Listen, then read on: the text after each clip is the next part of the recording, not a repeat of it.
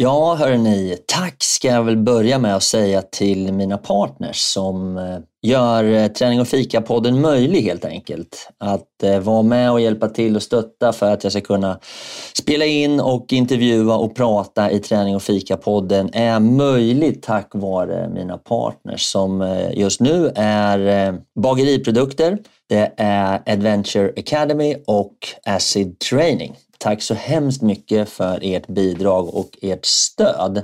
Sen kan man ju då som privatperson också gå in och stötta produktionen genom att eh, ge ett litet bidrag på till exempel Patreon. Det uppskattas väldigt mycket. Där kan du välja mellan att köpa en kaffe svart eller lägga lite mer pengar och köpa en kaffelatte och så fortsätta hela vägen upp till en riktigt härlig brunch. Så ja, tveka inte. Gå in och stötta lite. Det behövs och jag blir glad. Tack ska ni ha. Nu kör vi igång! Botox Cosmetic, Atobatulinum toxin A, FDA approved for over 20 years. So, talk to your specialist to see if Botox Cosmetic is right for you. For full prescribing information, including boxed warning, visit BotoxCosmetic.com or call 877-351-0300. Remember to ask for Botox Cosmetic by name. To see for yourself and learn more, visit BotoxCosmetic.com. That's BotoxCosmetic.com. Jag äter omega-3 för att jag inte äter fisk. Så här, ah. Vuxen människa och inte äta fisk, det är nästan pinsamt att tala om det, men, men så är det. Vadå, äter du ingen fisk?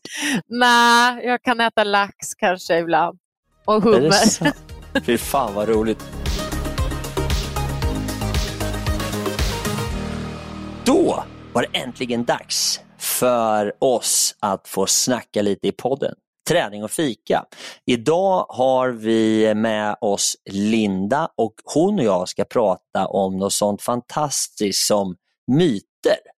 Myter, stories, funderingar kring mat och träning. Så det är dagens huvudtema. Nu kör vi! Träning och fika, vi kör hårt. Träning och fika, blåsa på. Träning och fika går ihop som kaffe och popcorn. Träning och fika, vi kör på. Träning och fika, blåsa på. Träning och fika, nu kör vi! Nu kör vi! Yeah! Så där, Linda. Varmt välkommen till eh, Träning och fika. Hur är läget? Tackar, det är jättebra. Ja. Eh, det är måndag och ja, det är bra helt enkelt. Haft en bra helg. Själv? Vädret är klart men kallt och eh, snön ligger vit och fin och det lackar mot jul för oss. Ja, ja verkligen. Och då kommer ju min fråga, har du julkaffe i kaffekoppen idag? Nej, det har jag inte faktiskt. Jag har eh, vanligt, som vanligt sitter jag hemma så att det är Suegas eh, Mollbergs blandning. Som vanligt. Det är där du brukar dricka? Ja. Det kan man nästan säga att det är en favorit för dig, eller? Ja, det är min favorit. Jag gillar starkt Må kaffe. Det ska vara starkt. Härligt. Du, eh, men jag förmodar då att du har ingen, ingen mjölk i och att du inte sitter och käkar någon bulle? Nej, ingen bulle och ingen mjölk. Nej, Du kör fasta kaffe. idag, eller? Ja, fasta. Det är måndag. Så fasta och... Jag... Enligt 8V eh, eh, som vanligt då alltså? Ja. Eller Precis. Eight Weeks of Dedication, där det är måndagsfasta fram till klockan, hur länge då idag? Jag tror att det blir halv sex idag tror jag. Ja, det är nog. Fasken, vad duktig du är.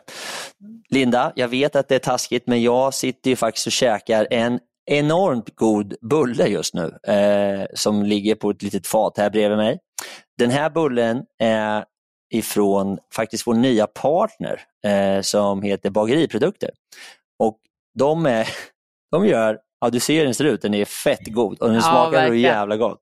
Ja, och den här bullen, den är ju då, jag brukar bedöma bullar och den här bullen är ju då en 10 av 10. Men, och Det beror inte bara på att de är våra nya partners och sponsorer och att jag fått bullen gratis utan det beror också på att den är gjord på ett sätt som gör att den är Alltså den är ju så små, du ser små smala liksom inte som, när du köper en bulle på Statoil då är den rullad kanske, man säger att den kanske är, är rullad som en liten kringla, eller som en, som en vad heter det? En det är som hög. en mitten i liksom. Ja precis, ja. och det, säg att det är kanske tre, fyra lager på en Statoil-bulle. Mm. Den här bullen, Den här har ju så här 100 lager. Du ser, det tar ju aldrig slut. De är små, små, små. Vilket gör att bullen är också så jäkla tung. Den väger liksom hur mycket som helst, vilket gör att den blir ju sjukt god att äta. Du smakade ju förresten sådana när vi var på Acid Masters, eller hur? Ja, just det. Det Ja, Acid var ju både... Ja, precis. Ja, Ja, den så var det här fantastisk. är ju, ja, men den är ju så Ja. bra. Och jag är så glad att vi har fått en ny partner som kan sponsra mig med bullar, så du förstår inte. Det, det är viktigt. Viktiga grejer och väldigt, väldigt god bulle, så jag är så nöjd så. Ha, hörru du, nog snackat om min bulle, utan nu får vi väl ta och ge oss in i eh, myter och förutfattade meningar och funderingar kring träning, mat och eh, ja, kost och hälsa helt enkelt. Så eh, då kör vi väl igång nu då. Jajamän. Åh, dagens ämne. Åh, dagens ämne. Nu kör vi. Jaha du, Linda, nu tänkte jag att vi skulle snacka lite grann om myter kring det här med mat och träning och hur man ska resonera kring olika saker. Och jag hade en första fundering i och med att jag tillbringar en del tid på gymmet och jag kör även en hel del längdskidåkning så har jag då kommit i kontakt med väldigt mycket sådana här extra tillsatta proteinprodukter och eh, det har varit väldigt populärt under ganska lång tid att ha extra protein i bröd eller extra protein i, i, i yoghurtar och, och alla sådana här saker. Och då, hur, ska man, hur resonerar du kring det här med, med proteinhetsen och vad man egentligen behöver när man tränar? Ja, jag kollade upp det här lite. Jag, jag själv är ju då eh, väldigt förespråkad av att äta vanlig mat och, och tror att man får i sig det mesta. Så vi har ju kollat upp lite här då med eh, en näringsfysiolog från eh, Sveriges olympiska kommitté, Linda Backman, Mm. eh, för att eh, kolla lite. Så att, eh, Vad säger hon då? Hon säger ju att eh, en, en, en som tränar, beroende på hur mycket man tränar, behöver någonstans mellan 50 till 100 procent mer protein. Men Än samtidigt... de som inte vi, tränar alltså? Än de som inte tränar, ja precis. Men samtidigt så säger hon att, att det, om man äter en eh, varierad kost så får man i sig det med råge i den vanliga kosten. Fan Så vad bra, när- jag käkar ju bullar och dricker kaffe. Är det varierad kost eller? Det här är ju inte så varierad kost. Jag tror inte... Nej, det, du måste äta något lite, lite annat också. Okej, så egentligen frukost, lunch och middag eller? Ja, precis. Och, att, eh, och mellanmål gärna. Och, att, eh, och hon säger också att lite kvarg och lite yoghurt och så, eh, det räcker gott liksom, som mellis.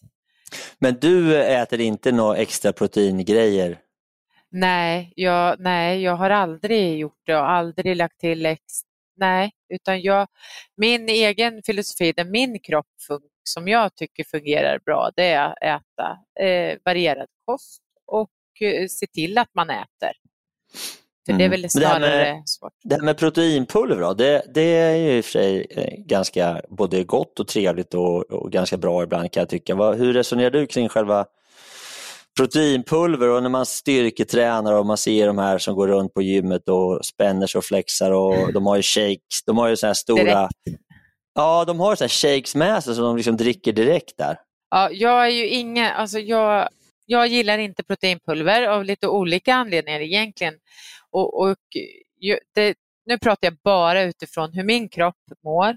Eh, Jag mår inte bra av proteinpulver, jag får ont i magen och, och eh, vissa saker fungerar inte alls när jag dricker proteinpulver.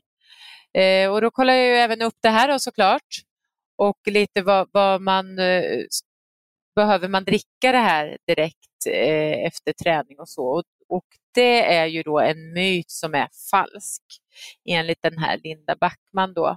Att protein direkt efter träning är inte nödvändigt om man inte tränar jättehårt och då kan det ju lika gärna vara att man kan äta liksom vanlig kost. Så Ja. just proteinpulver.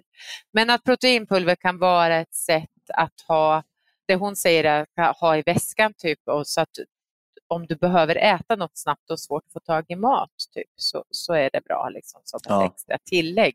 Men inte i, det behöver inte vara i, i samband med eh, träning. Men sen sådana här vanliga människor som dig och mig som tränar lite, lite lagom och inte elitidrottare, vi, vi har egentligen inte så stort proteinbehov som många företag vill göra gällande. Nej, nej precis. Så Eh, slutsatsen är helt enkelt att det är, inte stämmer, myten stämmer inte.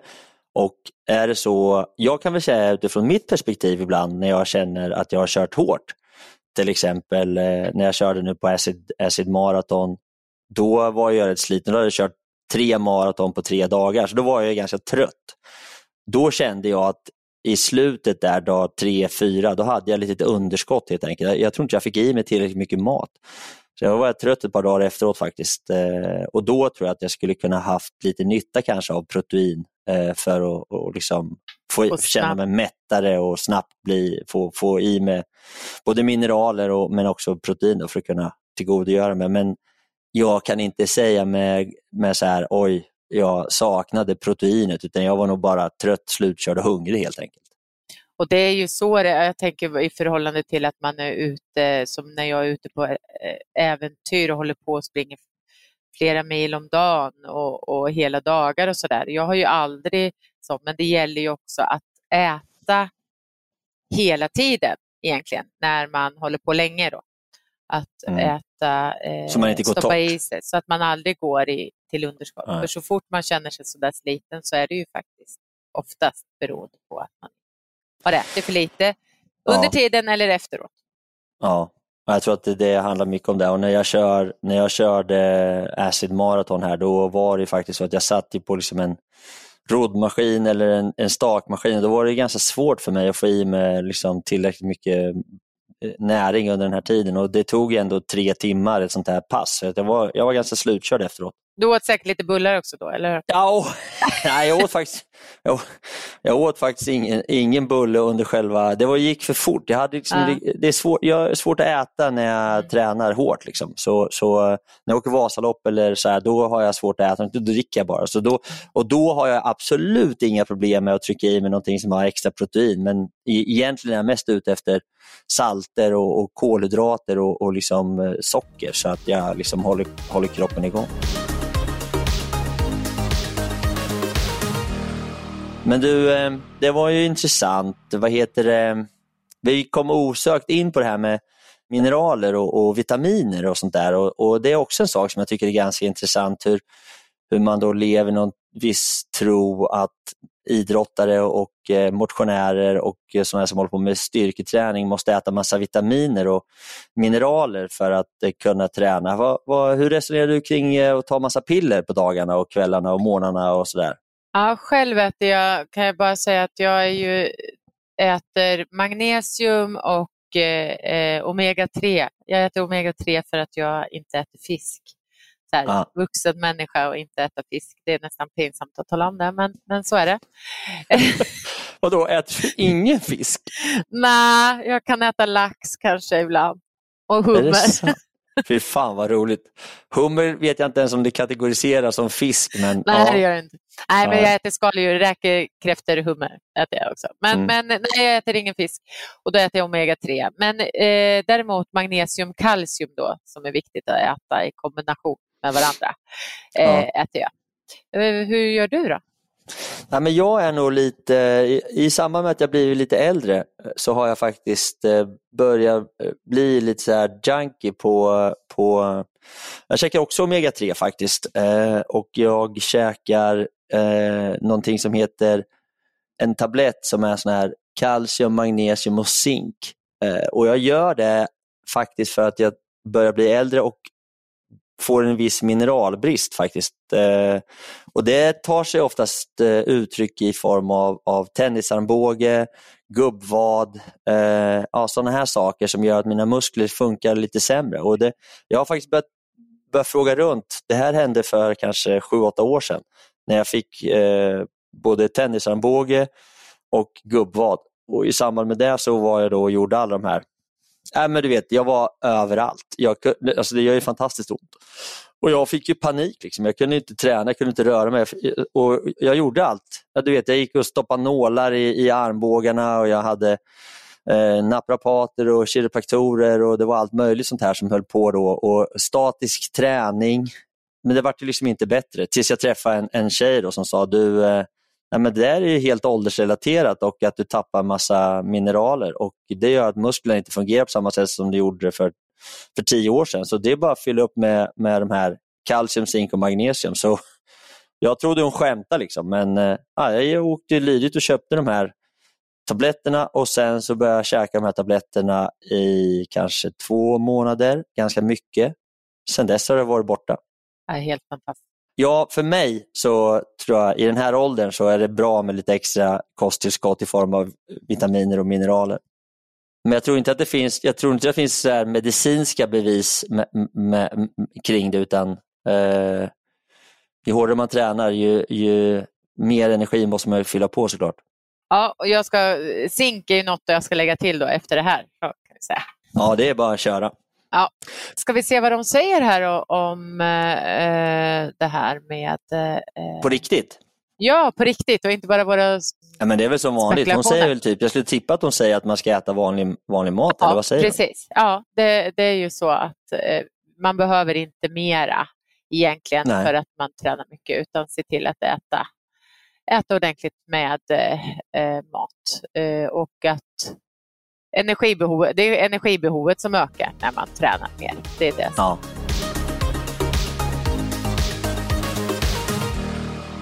Men du, apropå energibehovet och hela den här grejen Linda, det finns ju någonting som heter kolhydratsladdning.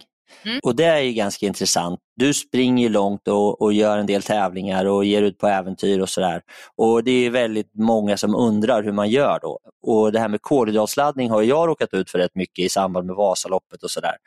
Vad, vad tycker du om kolhydratsladdning? Har du gjort det någon gång eller är det någonting du gör eller rekommenderar? Vad, hur resonerar du? Jag har gjort det några gånger när man, eh, för länge sedan eh, och då var det väl mer eh, så att man skulle göra det om man vart lurad att göra det. Men det som händer är ju att, eh, eller det jag ska säga är att jag gör inte det längre utan jag ser till att eh, det viktigaste för mig är att se till att jag äter och har, fyller på liksom mat.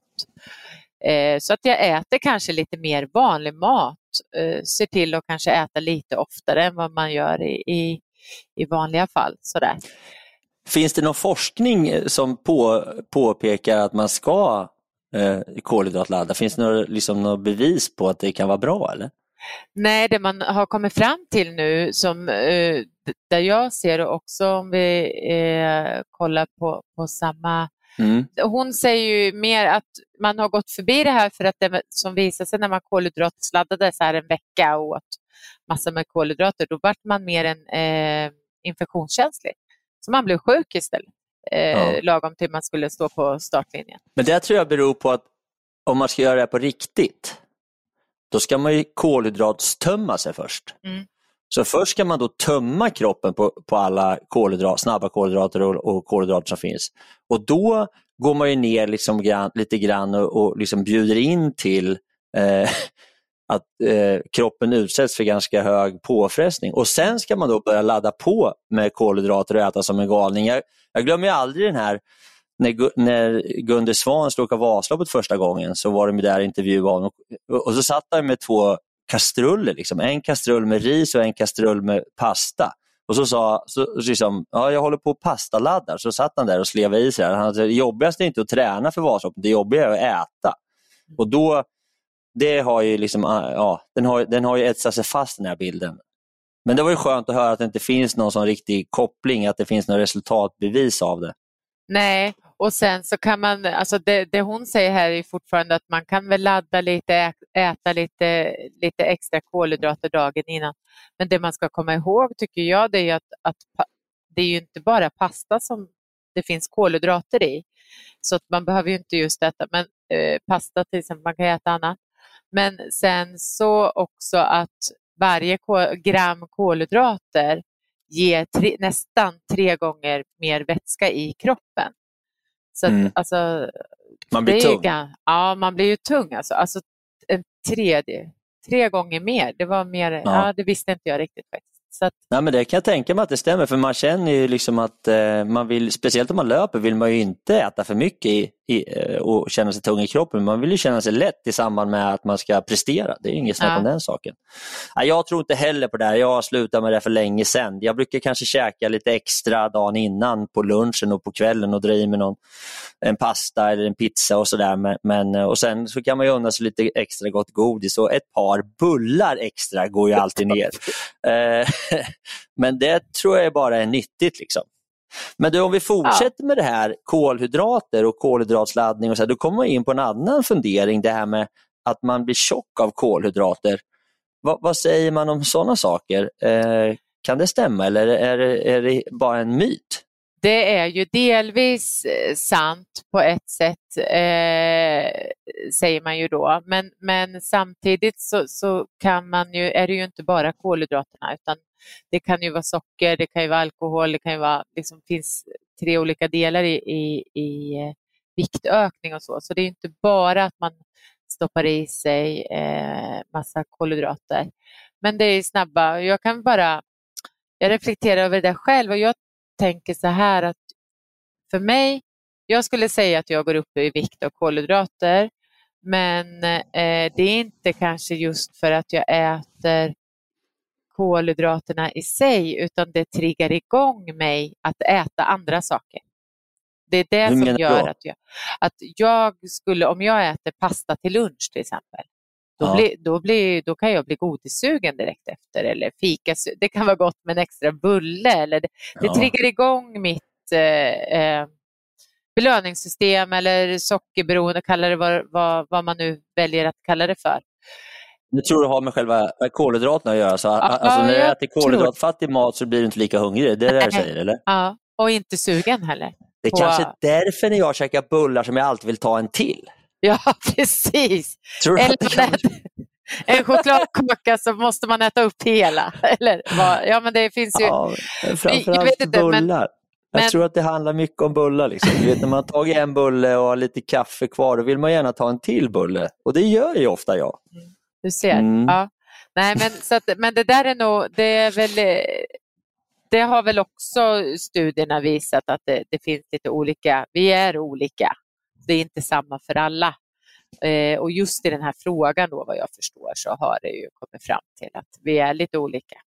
Där man kan undra det om man genom livet påverkas på olika sätt av kolhydrater när man är ung, medelålders och lite äldre. Liksom. Jag kan väl tycka högst ovetenskapligt att när man är ung så spelar det nästan ingen roll hur mycket kolhydrater man käkar. De bara försvinner i, i någon typ av allmän eh, förbrukning. Medan jag nu, när jag blir lite övre medelåldern, fortfarande ung och lovande, men fort, lite äldre, så, så känner jag liksom att när jag, precis som du säger, att, att eh, det, det känns mycket tydligare när jag äter kolhydratsrik kost. Att jag inte blir så lätt i kroppen, det påverkar min prestation, kanske till och med mitt humör lite grann. Och Det här är saker som jag tror har förändrats under mitt liv till att bli mer tydligt än det var när jag var yngre. Jag vet inte. vara. Om, ja, jag, jag, Ja. jag känner så i alla fall. Och Jag känner det speciellt i samband med att jag ska prestera. Eh, det, är, det är idag om jag, om jag ska ställa mig och köra om jag ska ställa mig och köra ett, liksom ett eh, acid maraton, till exempel tre timmar, eller om jag ska åka, göra en, en skidtävling på 4-5 mil, så har jag liksom inget behov överhuvudtaget att, att pastaladda eller få i mig kolhydrater. Det är snarare tvärtom. Att jag känner att jag liksom nästan vill stå på startlinjen och, och vara lite hungrig, för jag vill inte få den här mättkänslan. Som, jag, jag gillar inte den alls längre. Så eh, Ja. jag tror faktiskt att det har förändrats en hel del.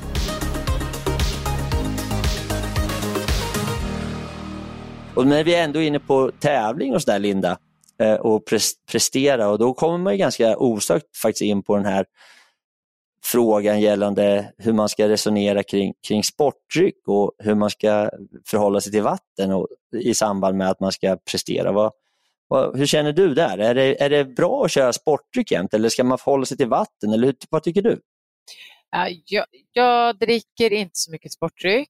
Det, såklart händer att jag gör det, men det är inget som jag köper direkt och, och blandar i, i flaskor och, och sådär. Jag kan blanda, om jag ska vara ute länge, kan blanda en, en eh, flaska med saft. Lika gärna, Mm. som också är lite eh, sött så. Eh, för Ja. att man kanske vill ha det där söta. Men inte, jag tycker inte att jag behöver det direkt för att prestera. Jag tycker inte att jag svarar på det heller. Jag tycker inte jag blir piggare eh, direkt.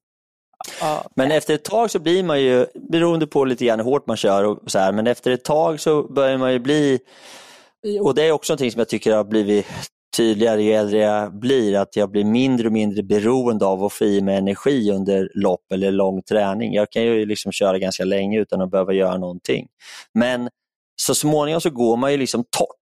Alltså du känner ju att nu måste jag få i mig någonting och då det märker man ju på sin egen prestation och, och sådär. Och, och, och, och här är någonstans, måste man ju fylla på, då är det ganska lätt att göra det med sportdryck för du får i dig energi genom sportdryck. Medan även om jag älskar att stanna och ta en fika så är det sällan jag kan göra eller ta en fika i farten. Liksom. Alltså käka bullar när jag, när jag åker skidor eller springer eller cyklar eller tränar hårt. Det är svårt. Och då kommer ju sportdryck i olika former in som ett bra komplement. Men vad, vad, säger, vad säger forskningen om, eh, vad kallas det för, ja, Ja, men energi, kolhydratslösningen? ja precis. Ja. Ja. då säger man ju så här, då, ja, frågan är då sportdryck bättre än vatten som du sa, då, då, då- är ju det, svaret på det falskt, eh, säger man. Att vatten i stor utsträckning fungerar jättebra. Eh, men om man håller på högintensivt länge så kan ju då sportdryck förlänga tiden till utmattning. Alltså att Ja, att man kan hålla sig Ja. piggare längre. Ja, Och men det att, att det kan vara bra, äh, lite prestationshöjande att ta någon typ av, eh, kolhydratslösning eller något. Eh, Men Ja. att man ska veta att det är tomma kalorier och att det, liksom, Ja, det. det ger någonting. Och, För jag egentligen, jag, jag är mer ute efter eh, eh, de här salterna och mineralerna, eh, eller inte mer, men också samtidigt som, jag, som både smaken i munnen, vilket såklart inte är bra för tänderna, men smaken är god och eh, men du får framförallt i dig de här salterna som du efter ett tag saknar. Så det tycker jag. Men jag, jag, jag, jag har tänkt rätt mycket på det där med, vi, jag cyklade genom USA eh, i somras ju. Och då, jag har ju levt efter en devis att när du tränar eller ja, kör hårt så finns det liksom ingen anledning att dricka någonting annat än sportdryck. Om du ändå ska, liksom, vatten går ju rakt igenom kroppen har jag alltid tyckt. Liksom. Det finns ju liksom inget värde att dricka vatten utan om du ändå ska dricka så drick någon typ av sportdryck där du får i dig lite saker som du ändå blir av med. Då.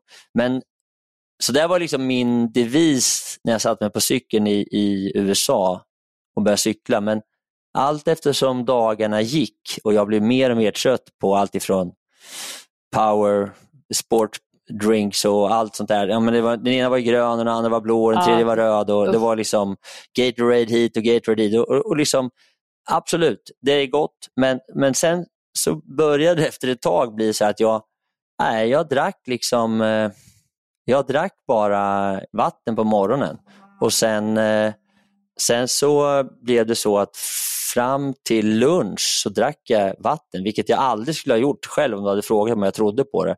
Men jag kände liksom inte att jag kunde dricka sportdryck. Och sen så allt eftersom dag, dagen gick så blev det då sportdryck och sen och så Coca-Cola och så massa kaffe.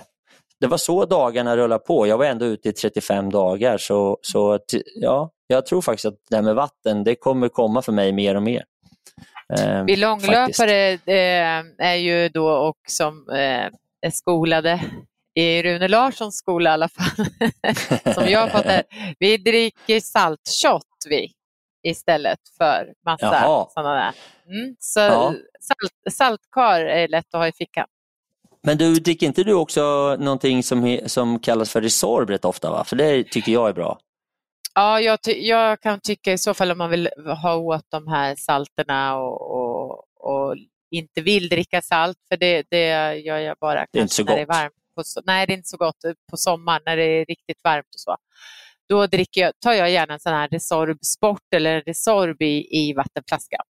Så, Mm. det tycker Och då jag får du i dig mineraler och salter. Och det är Ja. egentligen det jag tycker är, det är, det är skitbra tips alltså, verkligen. Men du, apropå det där med sista frågan jag bombarderade med frågor och funderingar, men jag har det här med kaffe då. Hur resonerar man kring kaffe egentligen? Har du någon kommentar kring det eller finns det någon forskning eller någonting kring det här med att dricka kaffe och träna och prestera? Ja, men då tänker man ju så här, kaffe är ju vätskedrivande, tänker man, eh, tror jag. Eller att många tänker. Eh, speciellt eh, jag har också tänkt så.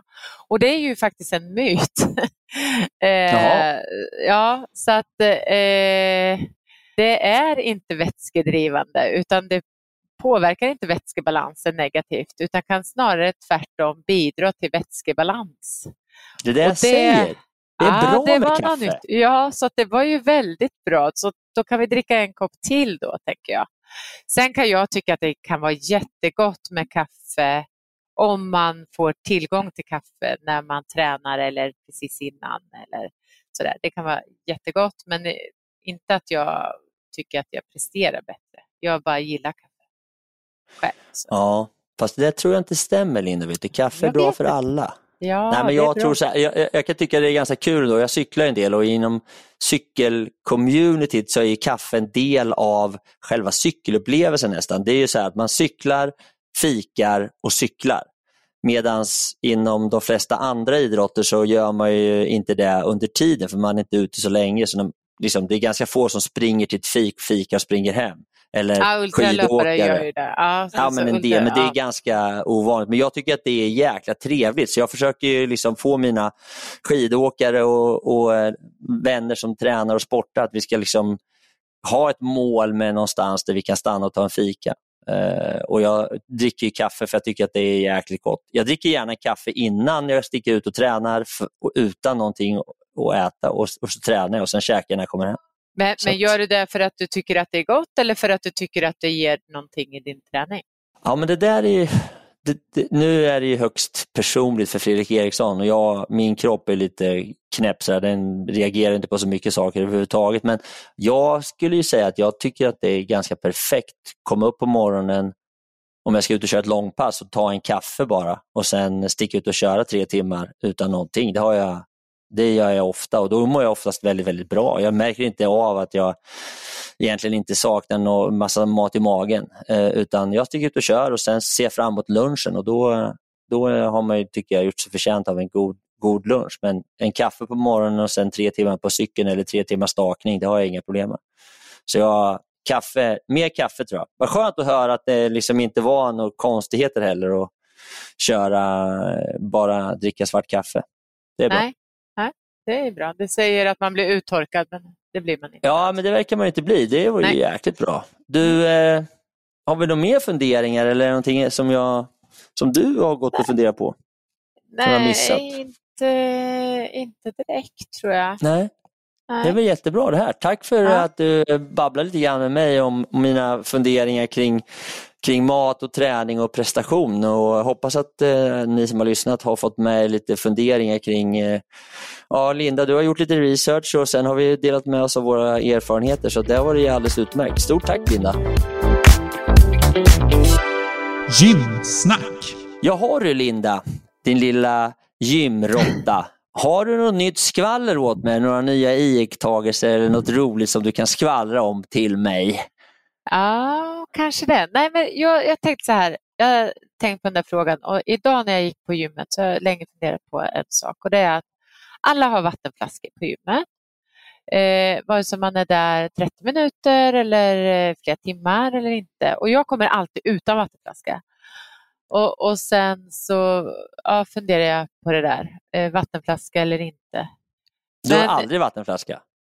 Nej, inte till gymmet så. Jag har vattenflaska när jag kör otroligt högintensivt. Och, och då är Ja. det mer mentalt att, att eh, man blir torr i munnen och, och sådär. Kanske andas med öppen mun och sådär. Eh, och eh, svettas otroligt mycket gör jag. Så att, eh, då försöker jag fylla på. Men annars, på gymmet har jag nog aldrig haft en vattenflaska med mig. Och det reflekterar jag lite över idag. Så funderar jag på om det är eh, jag som är knasig eller, om, eh, eller behöver man dricka eh, när man gör en timmes träning? Hur Ja. gör du?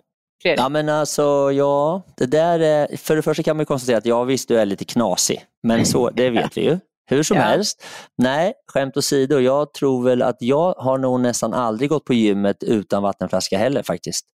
Nej.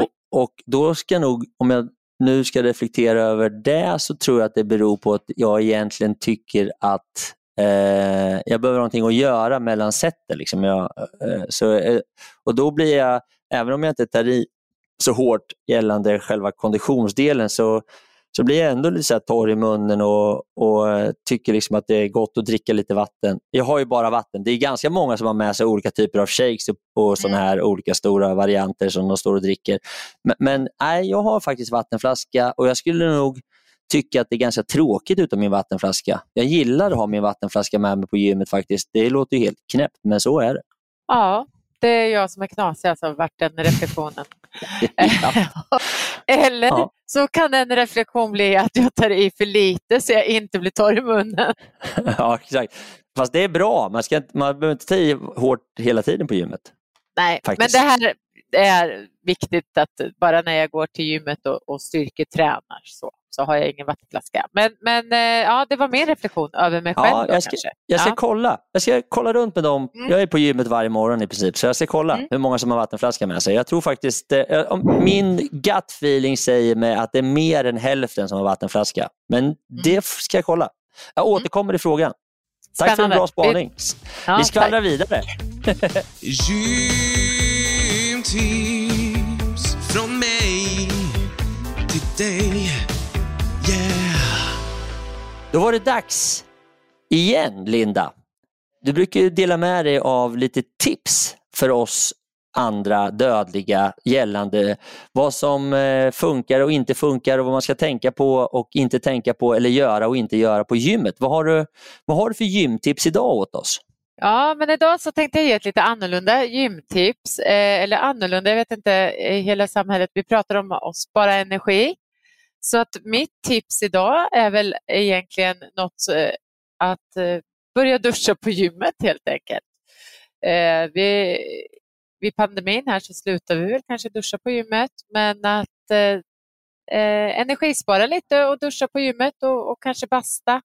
Nu är väl de bäst, flesta bastu avstängda kanske på gymmen. Jag vet inte. Vi, Jag Ja. har ingen bastu på mitt gym. Nej, det- det är också någon sak som man kan irritera sig lite grann på. Att mina, alltså jag går ju på Sats och de snålar och stänger av bastun, vilket är ganska tråkigt tycker jag, som gillar att basta lite snabbt. Ja. Det är värdelöst. Ja, så, så du, det, jag, Men- köper den här, jag köper det här tipset till 100%. Jag gör faktiskt så nu att jag duschar på gymmet. Precis. Jag har också börjat eh, duscha på gymmet faktiskt, som jag inte gjorde tidigare. Så att, eh, och, och jag har hört flera. Men det är mitt tips att eh, spara energi, duscha på gymmet Ta med en handduk. och ta med en handduk. Ja. Ja, då eh, håll, håller vi tummarna att det finns varma duschar. Så småningom kanske bastun kommer igång igen och vi snålar in lite grann hemma och tar ut det på vårt gymkort istället. De blir jättearga på oss, men äh, det gör det. Vi betalar ju för det så Ja, det är bara att duscha på. Veckans godbit. Då var det dags för lite gott, lite veckans godbit. Linda, har du något gott recept åt oss idag? Jajamän, det har jag. Jag har tagit med mig ett recept eh, som är ett bröd som inte är gjort på vetemjöl då, när vi passar in lite där med kolhydrater och så. Så att jag har tagit med ett recept på muggbröd som man gör i mikrovågsugnen eh, i en mugg. Snabbt och lätt och tar bara några minuter. Så att man blandar ihop alla sina, lite mandelmjöl, kokosmjöl, bakpulver, ägg, eh, lite grädde och sen så häller man det i en mugg och så kör man det i mikron i två minuter. Och sen så kan man äta det. Jätteuppskattat och jättegott är det. Eh, jag lägger som vanligt ute på eh, Instagram. Mm. Det Eh, här kommer, receptet kommer från 8V, eller hur? Ja, det kommer från 8V eh, där vi har, vi pratade faktiskt om den ärtsoppan eh, i ett annat avsnitt här tidigare. Där Mm. det här eh, brödet brukar rekommenderas. Just det, Eh, men- kolhydratsfattigt bröd från 8 weeks of dedication och du lägger Ja. ut 8 weeks of dedication receptet eh, på Instagram. Eh, Träning och Ja, fika. vi. Ja, Ja, men underbart, då bakar vi bröd här nu då. ja. Veckans fråga! Du måste våga ställa veckans fråga. Veckans fråga! Ah, baby. Då var det dags för veckans fråga som brukar komma in till mig och Linda. Och idag så kommer frågan från Lisa som går 8 weeks of dedication och hon har då ställt frågan till, jag tror det var till dig Linda, gällande det här med eh, att träna på morgonen utan frukost, hur man ska resonera och eh, tänka och vad som är bra eller dåligt med det. Eh, och på 8 week of dedication så rekommenderar ju, rekommenderas det ju att träna på morgonen. Men vad säger du om det här med att träna på morgonen utan frukost? ja, Lisa ställer frågan och det är väldigt många som ställer den här frågan till oss som är coacher i 8 Weeks of Dedication. Jag älskar att träna på morgonen utan frukost. Jag dricker faktiskt inte ens kaffe. Det låter så här konstigt för det var jag kanske, men eh, som dricker väldigt mycket kaffe. Men eh, det går jättebra att träna utan frukost. Va, hur gör du Fredrik? När jag startade 8 weeks of dedication för tre år sedan så, så var ju en av de sakerna som jag tyckte var viktigast i samband med det att man ska försöka i möjligaste mån att träna på morgonen. Och då har jag ett par eh, anledningar till det och, och, och de är inte alltid kopplade till själva, själva frukosten utan de är mer kopplade till beteendet. Och Det betyder, handlar egentligen om att jag tror att det är bra att vara klar med sin träning så tidigt som möjligt på, på dagen. För ju längre dagen går, ju större chans eller risk eller sannolikhet är att det dyker upp någonting som gör att din träning inte blir av. Det kan vara allt ifrån att det händer saker på jobbet till att det händer saker privat som måste tas hand om. Det kan vara barn och skolor och allt möjligt som dyker upp. Vilket gör då att det skapas eh, en situation där du inte får till din träning. Sen är det också så att om du tränar på morgonen, och det vet ju du Linda som har både gått 8V och som är 8V-coach, att det är inte så viktigt alla gånger att köra stenhårt. Utan snarare att vara där varje dag och träna lite grann varje dag. Och På morgonen så har man oftast, eh, är man oftast lite, lite seg, lite trött, vilket då gör att du kanske inte kör riktigt lika hårt som du skulle ha gjort om du har gått och laddat en hel dag för ditt träningspass och funderat och så här, utan du går dit lite halvtrött, lite halvseg och så kör du träningspass och tar det lite försiktigt och lite piano. Och vilket gör att du klarar av träningen utan att ta i alldeles för mycket, utan att riskera att du kör för hårt och skadar dig. Så de två sakerna tycker väl jag är egentligen de som är kopplade till morgonträningen. Sen att träna utan frukost, det tror jag också är en vanesak. Jag tror inte att det gäller för alla människor, men för mig och för dig tror jag också, som du sa, så är det så att eh, jag tränar bäst på morgonen utan frukost och bara sticka iväg och köra utan att hälla i mig någonting. Och jag, jag tror också att eh, det är ju många som vittnar om att det funkar och det är många som går 8 weeks of dedication och får i uppdrag att prova, även om man inte tror att man är en morgonmänniska eller en morgonträningsmänniska eller en som kan träna innan frukost. Och många blir ju överraskade över eh, resultatet, eller vad ska man säga, över att man faktiskt fixar det och att det är ganska skönt att träna på morgonen och att man inte behöver frukost. Ja, så våran, eh, våran uppmaning är såklart prova, testa och eh, också såklart vi hälsar väl folk välkomna till 8V. Ja, det gör vi, 8weeksofdedication.com. Eh, det är bara in och anmäla sig och vara med om åtta härliga veckor tillsammans med mig eller Linda eller vilken, vilken coach man nu får. Ja men vad bra, du, eh, då har vi klarat av veckans fråga. Storytime med Fredrik. Jaha hörni, då var det dags för min lilla storytime. Det är ju höjdpunkten på varje poddavsnitt tycker jag. Men eh, hur som helst, eh, idag så tänkte jag dra en liten story om när jag var i Las Vegas. Och för att kunna ta sig till Las Vegas i min ålder så måste man ha ett svepskäl. Man kan inte bara åka dit och festa. Så eh, jag hade då förklarat för min fru att jag skulle åka dit och springa ett maraton. Och det skulle jag också såklart göra. Så eh, jag och två polare sticker dit för att springa maraton. Vi eh, landar ju såklart dagen innan och eh, har då fyra dagar efter maraton när vi kan hitta på roliga saker och se saker och göra saker. Så vi landar där på eh, kvällen. På morgonen är det dags för maraton. Bor på ett bra hotell såklart och eh, på morgonen då, eller på förmiddagen när det börjar bli dags för maraton så var det här rock'n'roll maraton. Så Las Vegas rock'n'roll marathon. Och eh, vi gör oss i ordning där. Det är ändå ett maraton som ska springas så det är bra förberedelser. Jag har sprungit några maraton förut så vi börjar liksom där, ja, käka en bra frukost och förbereda oss över lunchen och sen så går starten på eh, ja, tidig eftermiddag. Så vi börjar hämtar nummerlappar och eh, tar oss bort till startområdet. Och där händer ju första saken som man tycker är lite underlig. Och jag kom inte på den förrän efter ett tag, men då spelar ju på en stor scen så spelar den här killen Kid Rock. Ganska känd artist. Eh, så han står där och, och, och liksom, folk är rätt glada i hågen. Jag kommer ihåg att jag reflekterade lite grann över det själv när jag stod där. Att det var jävla konstigt att folk liksom, du vet, nästan var det så här partystämning med nummerlappar. Jag fick inte riktigt ihop det. De såg inte riktigt ut som maratonmänniskor heller.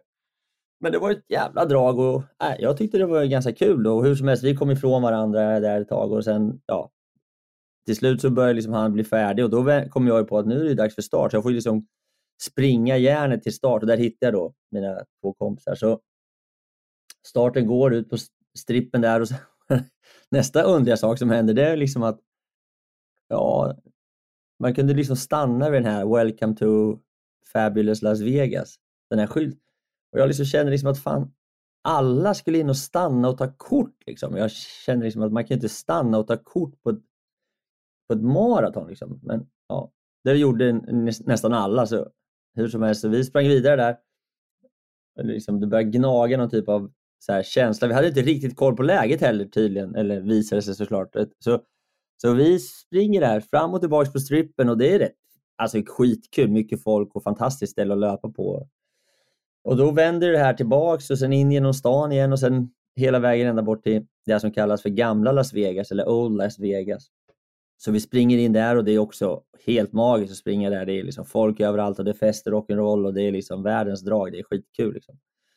Och så börjar vi vända tillbaks in, eh, in, liksom tillbaks in mot Las Vegas, downtown och då har vi dessutom har vi inte riktigt kollat på kartan hur banan går men så kommer vi på en lång raka där och då börjar man tänka liksom att det här, vi har ju bara sprungit 7-8 kilometer och det är inte långt kvar. Vart ska vi ta vägen? Och då kommer vi till en, till en korsning, eller inte en korsning, utan det är liksom, vägen går rakt fram och alla springer och det är massor med folk. Liksom. Det är folk överallt. Jag bara tänker, hur fan, de, ska alla de här springa maraton? Liksom? Nej. Då visar det sig liksom att då är det en, en avstickare till höger, rakt ut i mörkret. Liksom från den här stora fina härliga vägen. Och, och där är det, ju... det är ingen som springer dit. Alla springer, så då springer alla en mil och så är det vi tre då som ska springa maraton. Så jag viker ut på det här maratonspåret och då är det, det är kolsvart, motvind och då är det, ja men det, det är så här 3,2 mil kvar ut i öknen själv, vi själva. Det är ingen som springer med oss. Det är bara vi som springer maraton. Typ. Så då har man ju lite att göra där i motvinden och till slut så kom vi då i alla fall i mål. Och det var, var en fantastisk resa till Las Vegas. Men just det här att jag började känna oro redan när Kid Rock stod där och folk festade. Och så tänkte jag så här, fan, ska alla de här springa? Hur som helst, det var dagens story. Kram på er!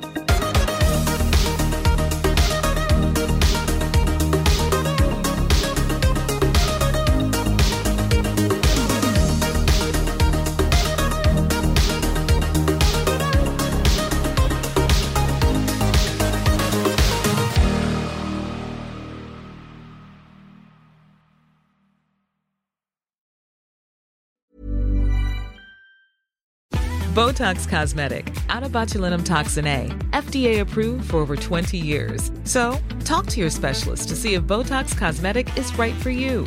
For full prescribing information, including boxed warning, visit BotoxCosmetic.com or call 877-351-0300. Remember to ask for Botox Cosmetic by name. To see for yourself and learn more, visit BotoxCosmetic.com. That's BotoxCosmetic.com. Det var allt för den här gången hörrni och jag tänkte avsluta lite kort med att återigen tacka mina fantastiska partners och sponsorer som är Bageriprodukter, Acid Training och Adventure Academy. Och eh, återigen, har du en krona över eller är helt enkelt sugen på att bjuda på en kaffekopp så gå in på min Patreon och eh, köp en kaffe, en kaffelatte eller en hel brunch så kan jag fortsätta spela in podden, producera nya härliga avsnitt och eh, fortsätta att underhålla dig.